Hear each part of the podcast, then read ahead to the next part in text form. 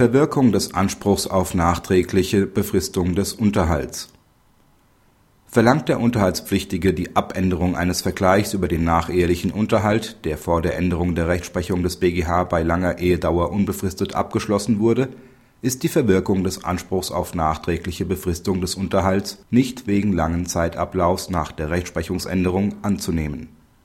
Die Beteiligten waren 25 Jahre verheiratet und schlossen 1993 eine Scheidungsfolgenvereinbarung über unbefristeten nachehelichen Unterhalt die Ehefrau arbeitete bei Eheschließung seit neun Jahren als Verkäuferin, hatte ihre Ausbildung dazu jedoch nie abgeschlossen.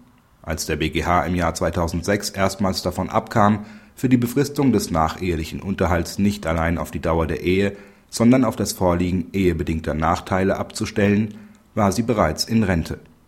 Der Ehemann verlangt Ende 2008 die Abänderung des Unterhaltsvergleichs.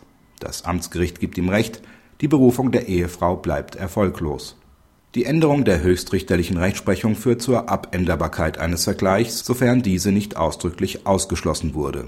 Das Amtsgericht hat festgestellt, dass die Ehefrau keinen ehebedingten Nachteil erlitten hat.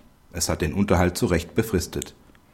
Die Abänderung von sogenannten Alttiteln ist gemäß § 36 Nr. 1 EGZPO vom Gesetz ausdrücklich zugelassen. Durch die ordnungsgemäße Erfüllung des Vergleichs über mehr als 15 Jahre und durch das prozessuale Verhalten des Ehemanns wird kein Verwirkungstatbestand erfüllt. Praxishinweis Zur nachträglichen Befristung von Unterhaltsvergleichen, in denen eine Befristung oder Begrenzung nicht erwähnt ist, hat der BGH aktuell entschieden. Wenn keine ausdrückliche oder konkludente vertragliche Regelung entgegensteht, ist im Zweifel davon auszugehen, dass die Parteien die Frage der Befristung und Begrenzung offen halten wollten. Eine Abänderung ist dann auch ohne Änderung der tatsächlichen Verhältnisse und ohne Bindung an den Vergleich möglich